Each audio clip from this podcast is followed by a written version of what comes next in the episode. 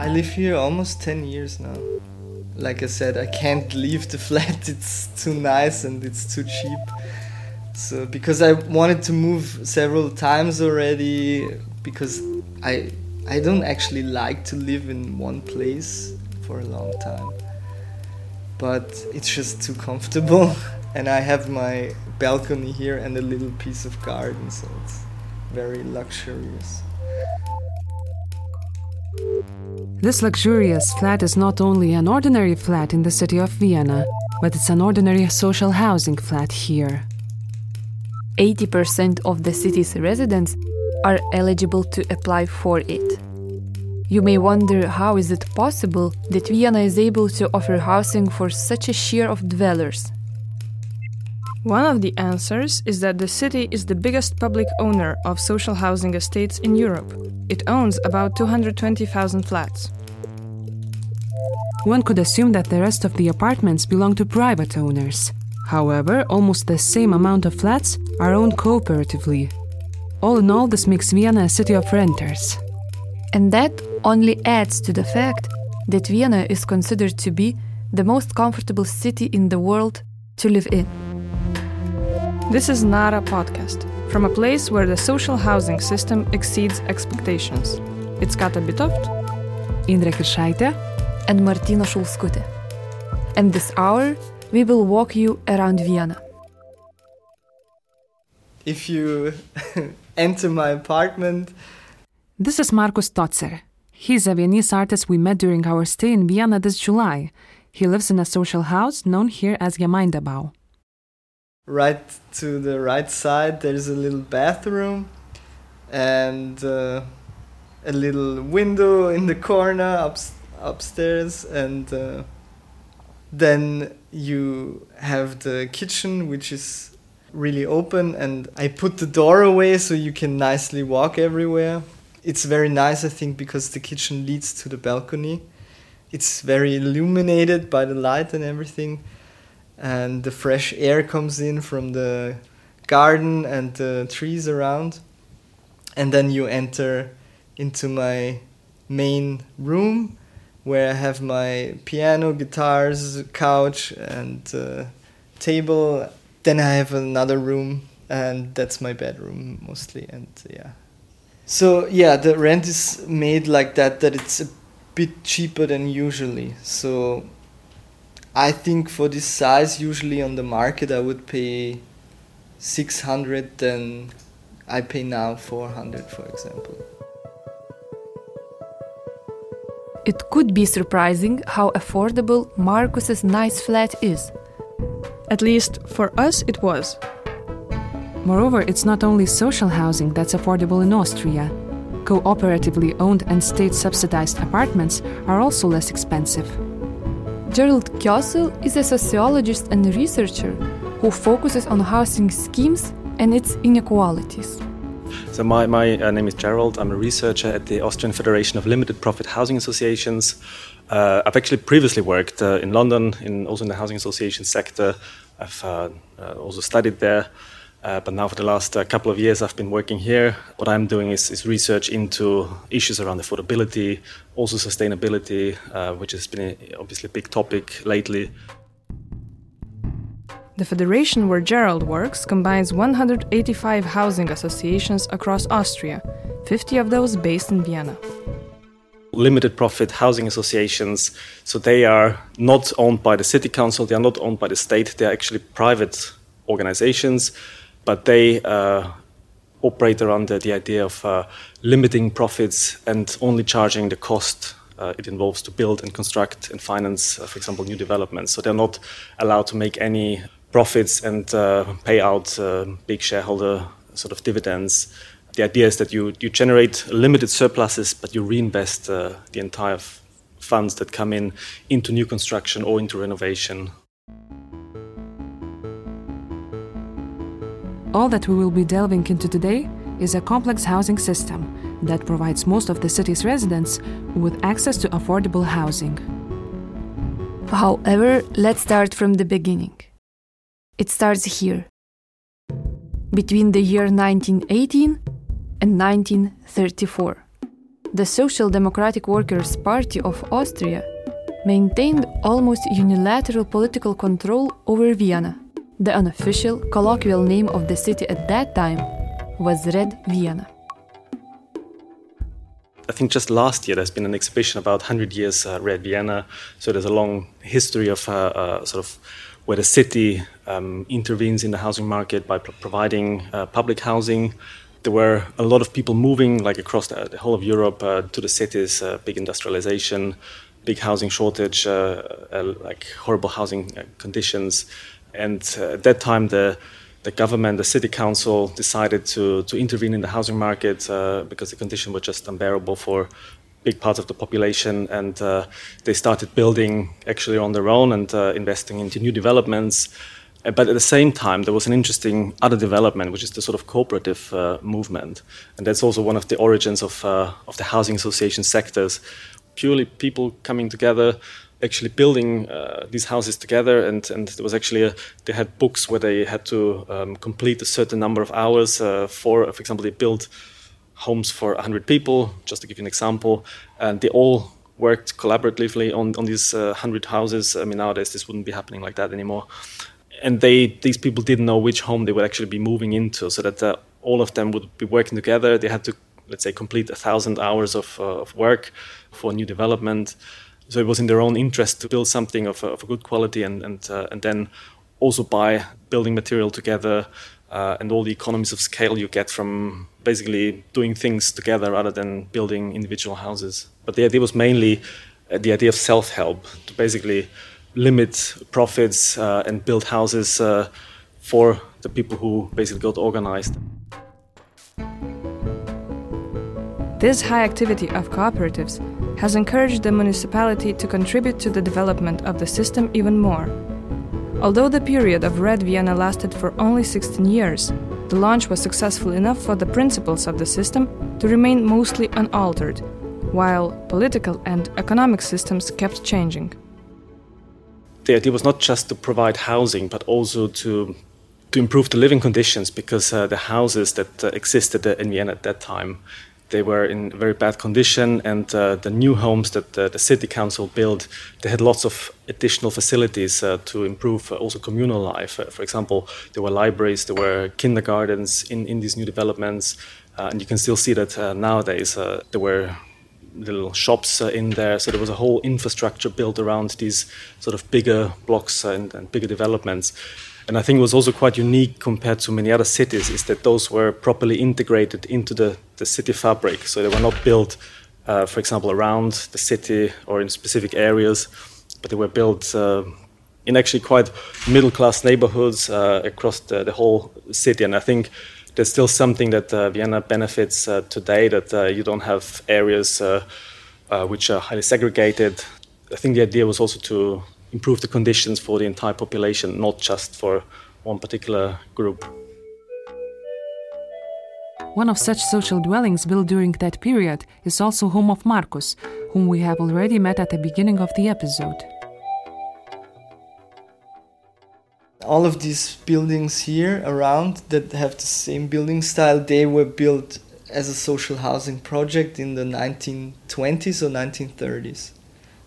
I actually researched once this area just out of fun, and this used to be a poor people area. So you have to imagine in this apartment, probably 100 years ago, there used to be two families living in just this apartment, probably. It's crazy. And maybe even this room, my bedroom here, would have not been included to this apartment. And there was a whole family living in this 15 square meter room here.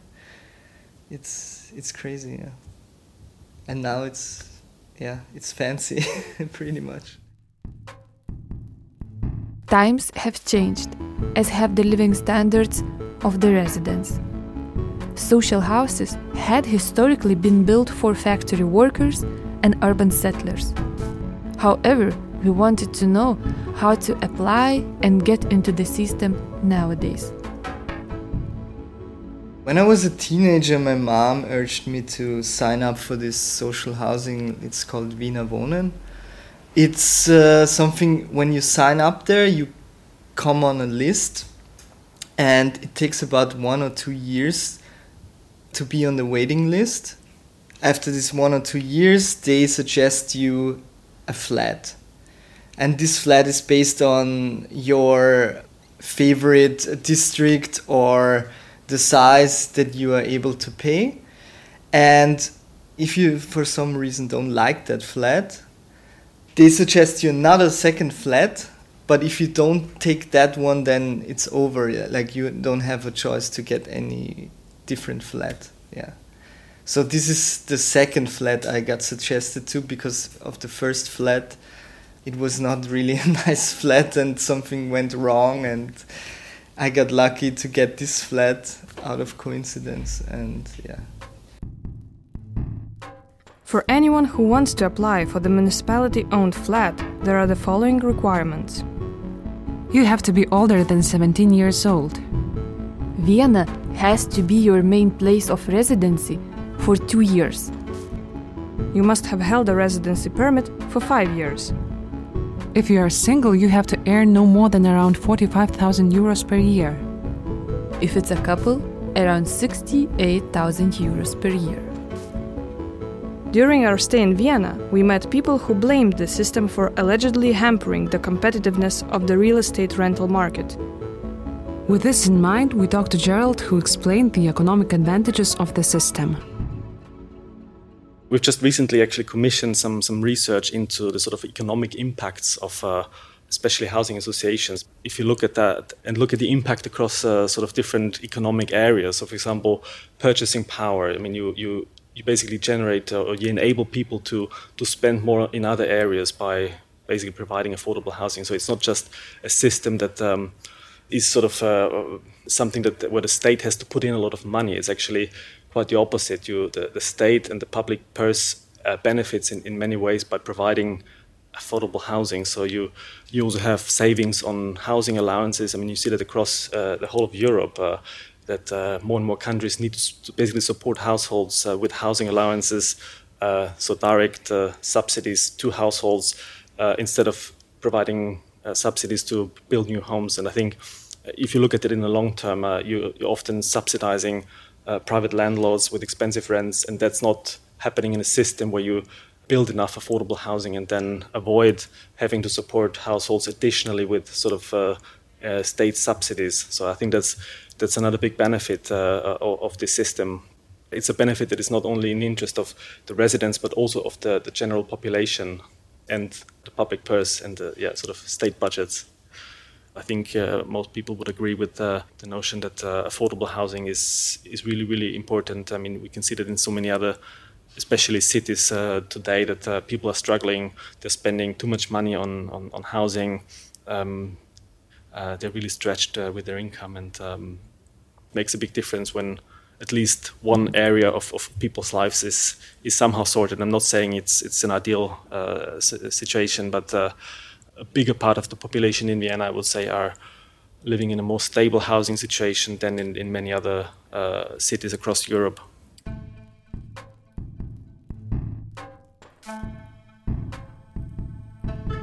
It's it's been very crucial for me that I live in a cheap apartment because I was able for the past five years to build a career as an artist. So these 200 euros definitely made a huge difference because I was able with that money to pay the art supplies that I need to paint for because it's very expensive to be a painter, especially as a painter. So yeah it made a lot of difference yeah. How common is among artists to live in uh, social housing? I think it's actually not common at all for artists to live in these social housings because maybe there's also not so much awareness about it i never i would have never heard about it if for example, I don't know, my mother would have told me when I was a teenager. I, I always tell people I uh, want to urge them to sign up for this because people more and more complain also about the higher prices of apartments. And a lot of my friends actually who are artists, they still live in in a shared flat, yeah. Mm. You know what I found is that m- most people that f- come to Vienna from another country, they mostly find out all the things that the city provides for them socially that they can get some extra money or they can get funding for something.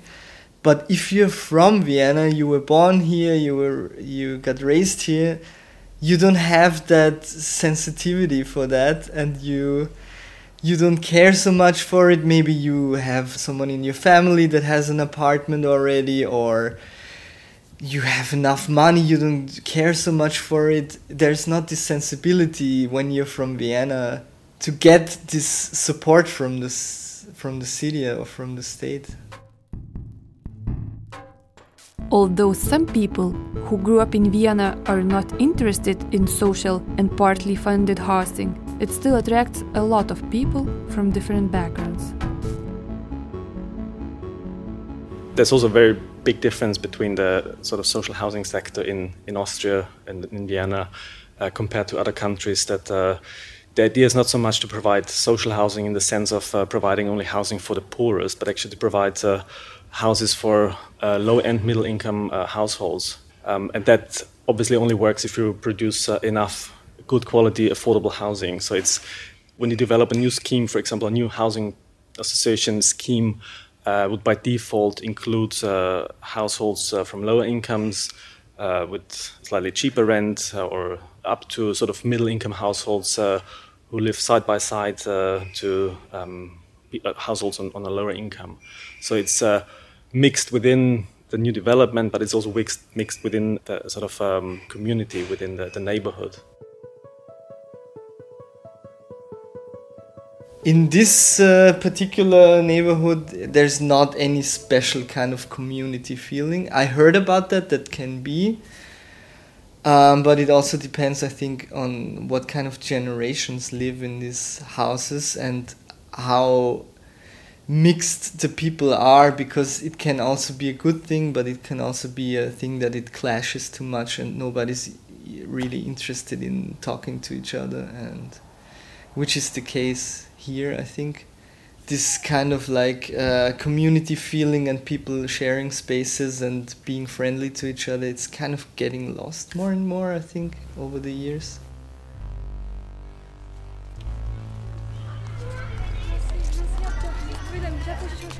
At the moment, one of the largest newly developed accommodation projects in Vienna is the Sonnenwendviertel Quarter. Here, there is room for both non-profit and limited profit social housing.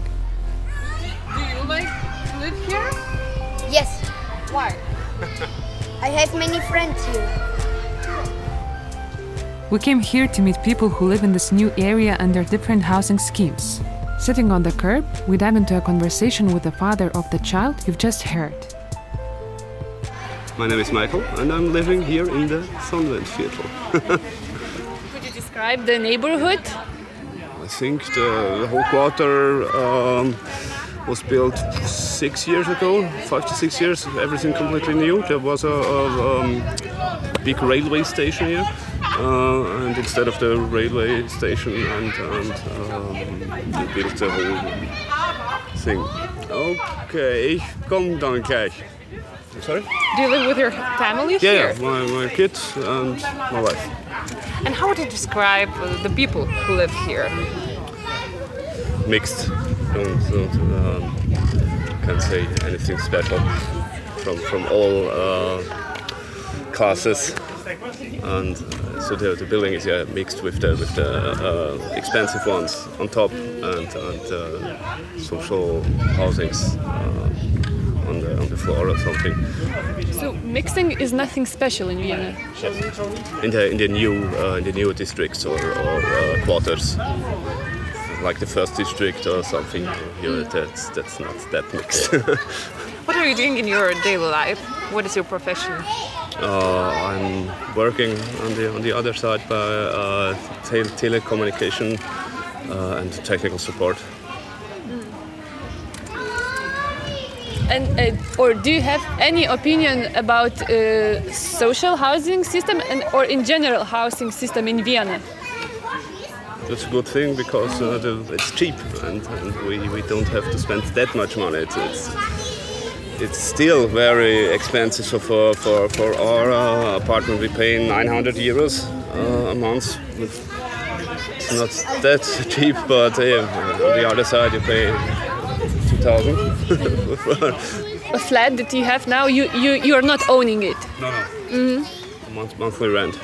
Would that be important for you to uh, have a flat, to actually own a flat? Uh, yeah, but it's so damn expensive. So, so, something like that will be 400,000 euros or something. It's impossible to think mm. about it. Welcome.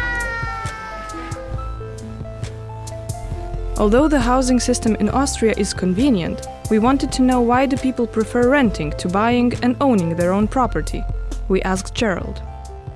I think Vienna and probably many other cities uh, across Europe are renter cities. So I think uh, the idea of renting and actually renting with uh, a lot of stability and a lot of uh, sort of uh, in, in, a legal context where you have a lot of security. So there, there's no reason people would need to fear that they would have to move out at some point they have uh, in terms of the rights, what they can do with their, with a flat. They're probably closer to the sort of ownership status than you would have in many other countries. Uh, but also in terms of when it comes to having a say over over what is happening within a building. Yeah, I mean, there's there's there's obviously a, a lot of people aspiring to become homeowners, but I think also being realistic in a, in a housing market like Vienna is probably not a very realistic option for many, and uh, uh, a more secure and, and probably also financially safe way to to live in, in a stable housing context is uh, to rent uh, from a housing association uh, or be involved in a cooperative uh, where you have quite a high security of tenure and uh, and and also security in terms of the cost development. Uh, there's there's nothing very unexpected going to be happening in this development. So I think renting is not seen as in many other countries as a as something that you lack sort of ownership over over where you're living. I think that that's definitely not not the case in Vienna.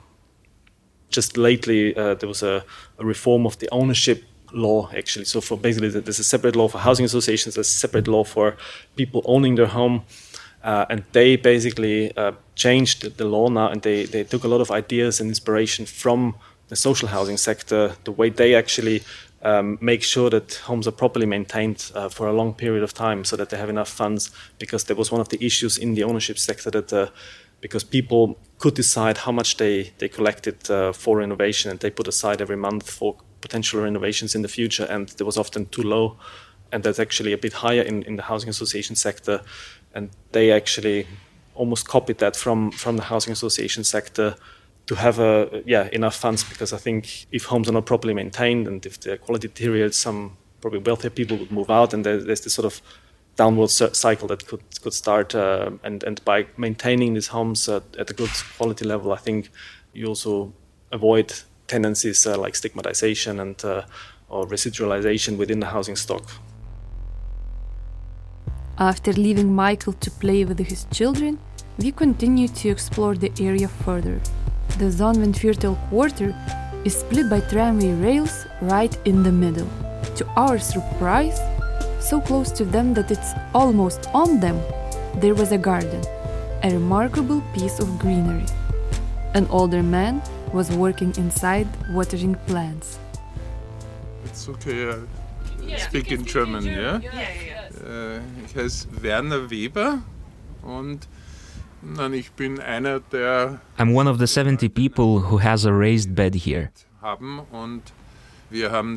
Each of us is assigned a week once a year when he has gardening duty, and people leave signs like, please water this or do that, whatever needs to be done. The community garden is for people in both the Sonnenviertel district and the people in the immediate vicinity.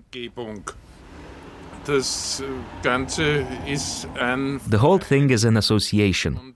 We rented it from the city office in charge of the gardens at a relatively cheap price.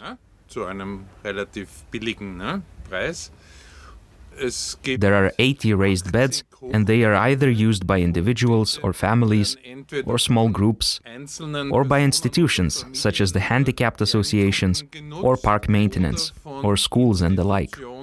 Behindertenverein oder Parkbetreuung.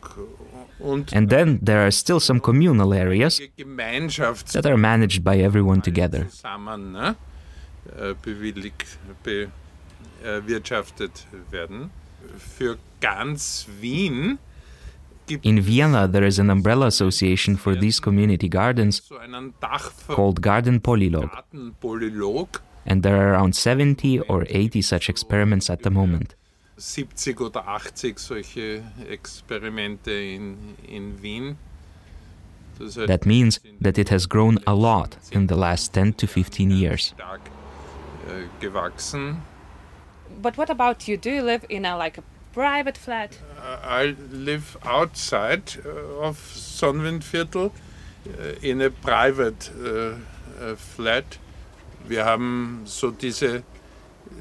have this typical situation that has now also reached Vienna gentrification.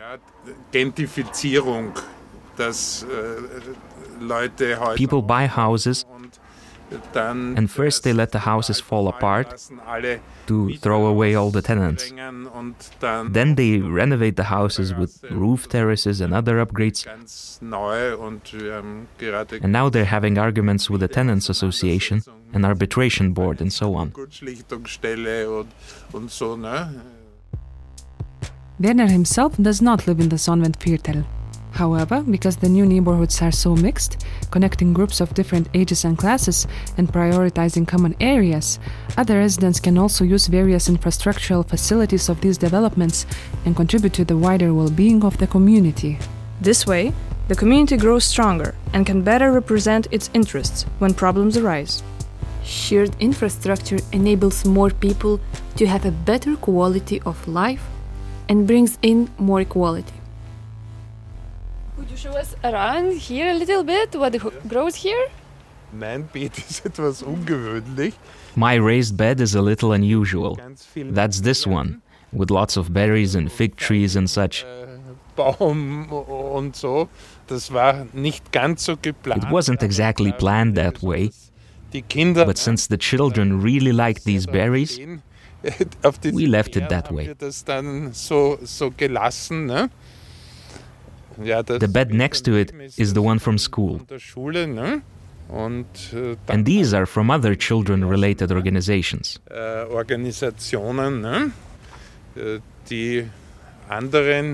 The others there belong to the people. The people in that area all have an irrigation system that they are connected to. Otherwise, we get the water for free from the community.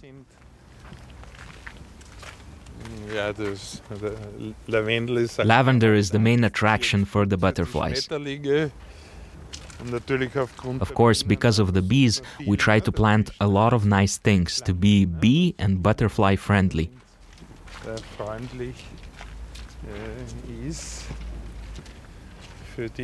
For the bees, we would need a beekeeper for more support. But basically, there is not only one beehive.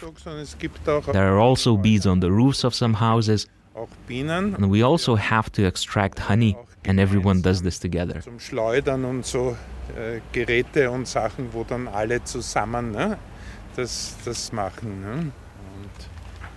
Weil die, wie auch when this boulevard was planned, the mindset of the people was greenery is in the park, and you don't need a lot of greenery in the urban area, which is sealed off anyways.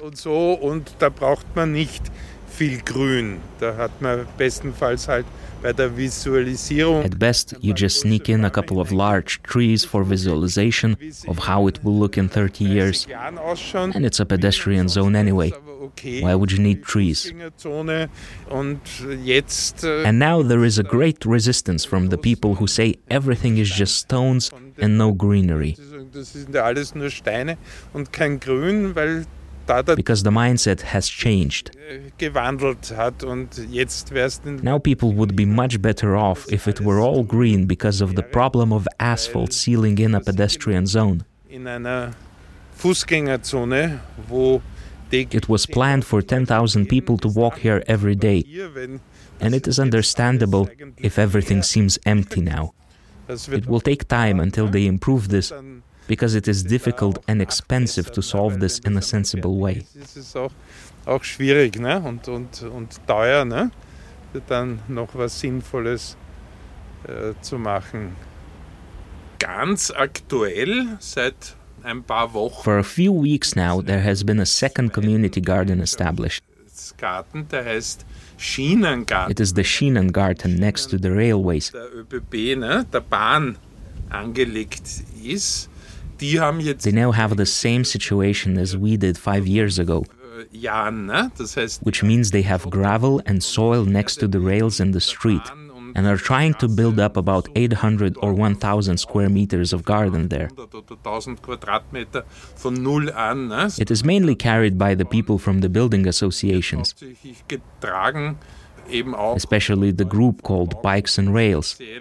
Eine Gruppe, die äh, heißt Bikes and Rails. And the Lenkerbande organization. Lenkerbande, ne? Äh, and I think they were the initiators and the coordinators of this project with the Austrian Federal Railways. Dass man sowas machen darf.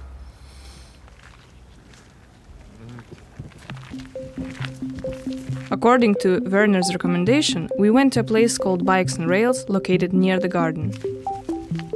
On the first floor of the newly built house in a cafe, we found Philip. He lives and works here.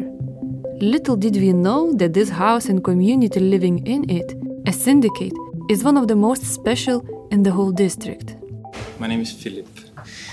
I'm a young father, and in principle, uh, I'm also a student at the University of Applied Arts. Um, but I would uh, describe myself a bit more of a, like an activist and um, cultural worker.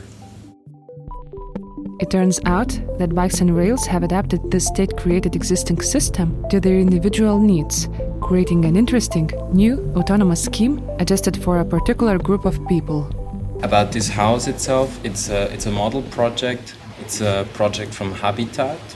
We are like interested in housing and, and living as something which is not a commodity. Like we are against housing as a commodity. Uh, and we have a legal structure which allows um, um, this house to be a house which will, like for all the times, um, stay in the hands of the people that actually live in the houses. We have one association here in the house of people that are living here. We are uh, like about 30 adults living in here. And the object itself is also like a legal body. And then the uh, the Habitat is like an umbrella association which um, which has a veto right um, against the Bikes and Rails Association, like reselling the object. And in that way, it's like withdrawn from the speculation market, and this house belongs to itself if you want. This newly built apartment building is owned by residents who have joined the Bikes and Rails Association. It belongs to an umbrella association called Habitat, which came up with this alternative communal ownership scheme. I think important to mention for that is that in our bikes and rails housing project here, uh, like specifically, um, you don't have to be rich to be part of the um, of the assembly, um, because um, we actually financed this five million uh, euro heavy house um, we've borrowed money. So we borrowed the money from um, private people, and um, which are about 240 people. We also like try to like keep the number of people which are borrowing us money high, so that there's not one person which can like take the money back, and then we are all in a big struggle. So many small um, amounts funded this house, and then the city of Vienna. Um, so we are also like a, a funded housing project. Yeah. I mean that's not so much about the community, but I think it's important from the like political standpoint of this particular project. Um, and we are yeah a self-organized house. here. So, um, which means from the PR, uh, like in order to get these money and to do this fundraising, um, we all did that ourselves. Also, the last five years, communication with the um, people that actually constructed the house, with the architects, with the um, I don't know the words in English for that, but with the people actually building it, um, and with the neighborhood. Um, and then obviously there are people taking care of the finance, internal, external. Then there are people taking care of the legal stuff, and it's a lot of a lot of work. Um, but um, yeah, we are showcasing here that it's possible if uh, like there is a community, there is a group which is willing to work a lot for autonomy. I would say, yeah. In in our case, it's I think much um, about work. Like we we. Um, started just to work together. We needed to work together because we were like we wanted to live here. So um, we had to like to work together prior moving in here. Um, and in that setting we got to know each other um, which meant like bi-weekly plenaries and then meeting in your working groups. In that way we got to know each other. Um, you have strong opinions of your neighbors and you need to discuss a bit um, and yeah afterwards you have informal chit chat and then you get to know each other a little bit um, but it's very, it, was very uh, interesting to finally move in here because we, we knew each other, our neighbors, uh, already. Like in my case, three years prior moving in here. But we only knew them from these plenary um, meetings. We once went together on a hiking hiking trip, yeah. But mainly, it's like um, circulating around how can we establish this house? And um, and this is changing now. After a year of living here we like slowly become a little bit more of a like a actually actual community which is also really about living together to some extent sharing problems and tasks New constructions of non and limited profit projects which, according to the old tradition, are focused not only on housing affordability but also on communal spaces, are not accidentally related to green spaces, sustainability, and ecology themes. Vienna is not a green city. People in most areas lack green spaces here. In the summer, when we were in town, the city became a frying pan because of asphalt ceilings connecting the road to the pavement, leaving no space for even the smallest body of greenery. The Sonnenwendviertel quarter is no exception. Next place I'm going to live will probably won't be as urban as this is because this is very harsh urban environment at the moment. It's uh, you see this beautiful parking garage next to us, and um, yeah, just a lot of cars, a lot of a lot of buildings, a lot of new buildings, a lot of rather high buildings. Um, so it's a bit brutal. Newly built projects are not necessarily strong enough to address sustainability issues sufficiently. However, it is crucial that people living in them feel empowered to adapt the settlements to their needs, create new shared green spaces, and build a more sustainable future. Bikes and Rails is a great example of this. These are a few ways in which they and other residents of the Sonnenwendviertel are succeeding in transforming the quarter into a more green and sustainable one. They closed the main street to create a pedestrian area.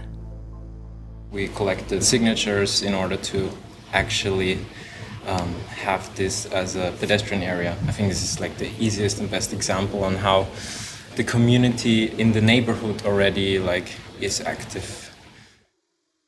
The house in which they live is passive.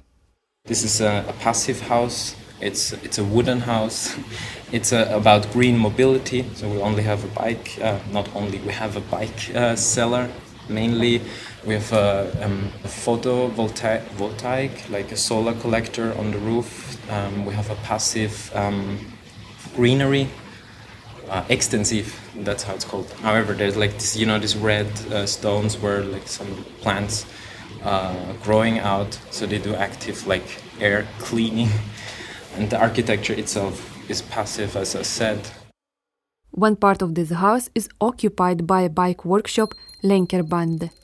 And not only that, the shop's team collaborates with the municipality and collects all bikes left locked from all over Vienna.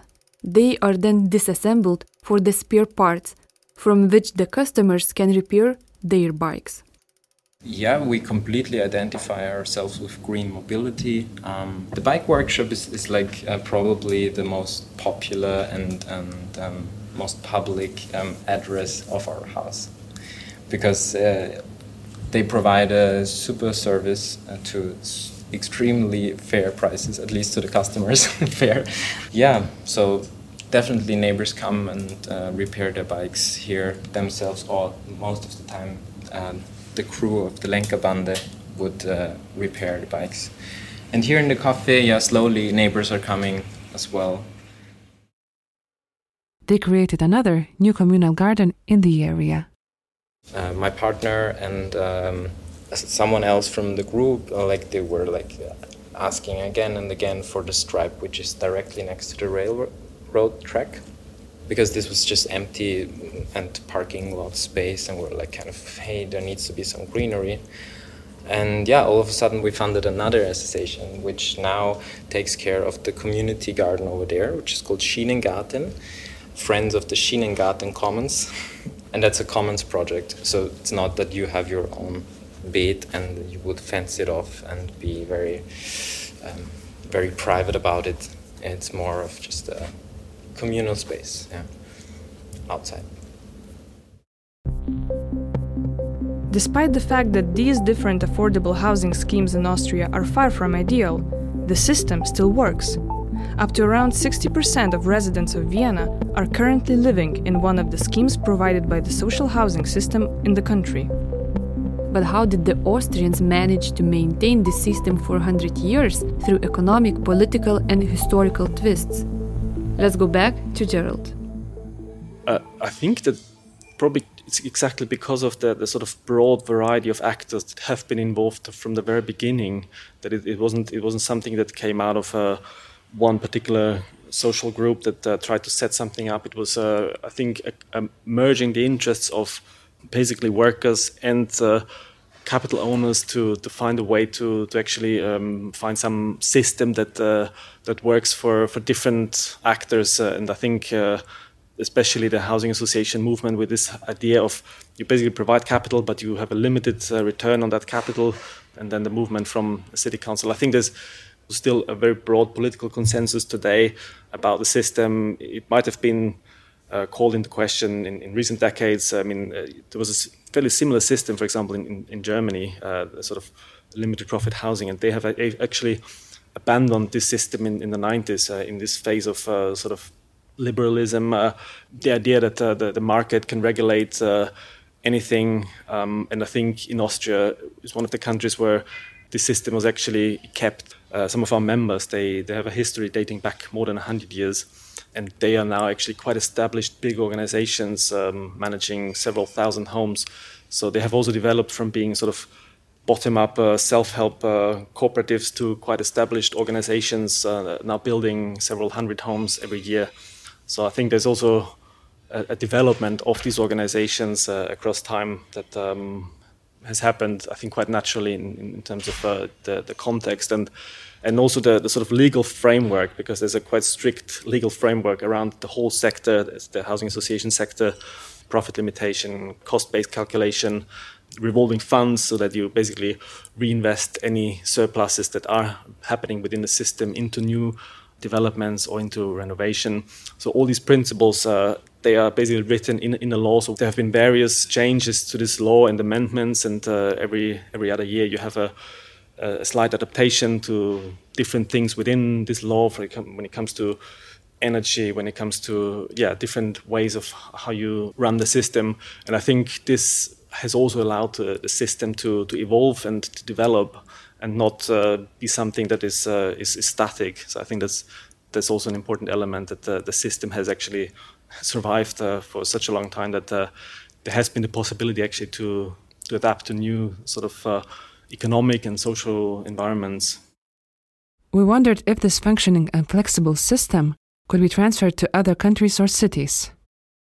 I don't think you can copy paste uh, um, a system and install it somewhere else. I think that's definitely not not happening. But I think to to think about, um, especially when it comes to new urban developments, uh, not just leave the entire market uh, to the idea that uh, the market will regulate everything and there shouldn't be any sort of intervention. I think we need to think about uh, the sort of long-term strategies within cities, and when you have new developments, think about which actors uh, uh, are supposed to um, build there and uh, what can they actually bring to a neighborhood and um, having the actors that are not only acting out of a sort of short-term profit motive, but uh, thinking in, in a long in longer cycles, uh, um, I think is really really important um, both in terms of the affordability uh, aspect that I've mentioned, but also in terms of sustainability and actually creating neighborhoods that are sustainable both ecologically but also socially in the long term. That uh, uh, we don't end up with neighborhoods where only certain groups of people live, uh, old people or young people or rich people or uh, poor people live. I think that's uh, I think really important. But I think it's it's very difficult. I mean, we often get asked this question about um,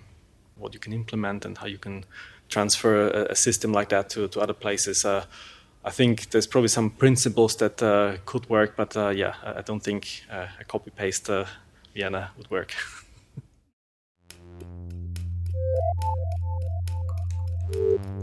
In the presence of growing prices of real estate in cities all around the world, the question of the affordability of housing becomes crucial. It's not only a question of accommodation, but also of diversity, dignity, and equality.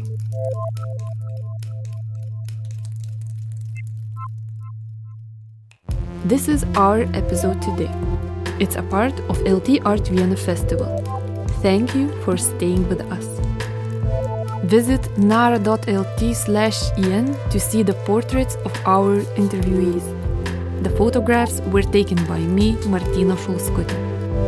Music for the episode was created by me, Kata Bitoft. We also thank Lena Piskernik for helping with German translation and Karolis Pilypas Liutkevičius for dubbing it. The voiceover was recorded in Martynas Mažvydas National Library of Lithuania. This was Indrė Kiršaitė, Martina Šulskutė, and Kata Bitoft. Support our work at patreon.com slash naralt. Thank you for listening. Tschüss.